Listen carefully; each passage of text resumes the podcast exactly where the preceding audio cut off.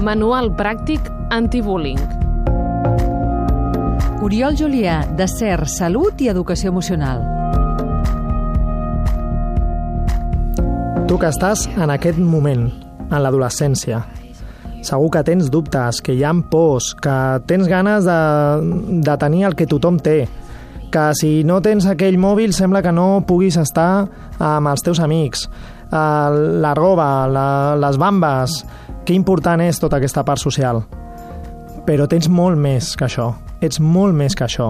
Tens un potencial per canviar el teu món, per canviar a tot el teu entorn. Com és que caiem en aquestes situacions? Com és que fem mal a les altres persones? Com és que permetem que facin mal a les altres persones? Com és que em fan mal i no ho aviso i no ho dic? Quin model estem comprant de societat? Però si vosaltres heu vingut a canviar-la, no compreu aquest model.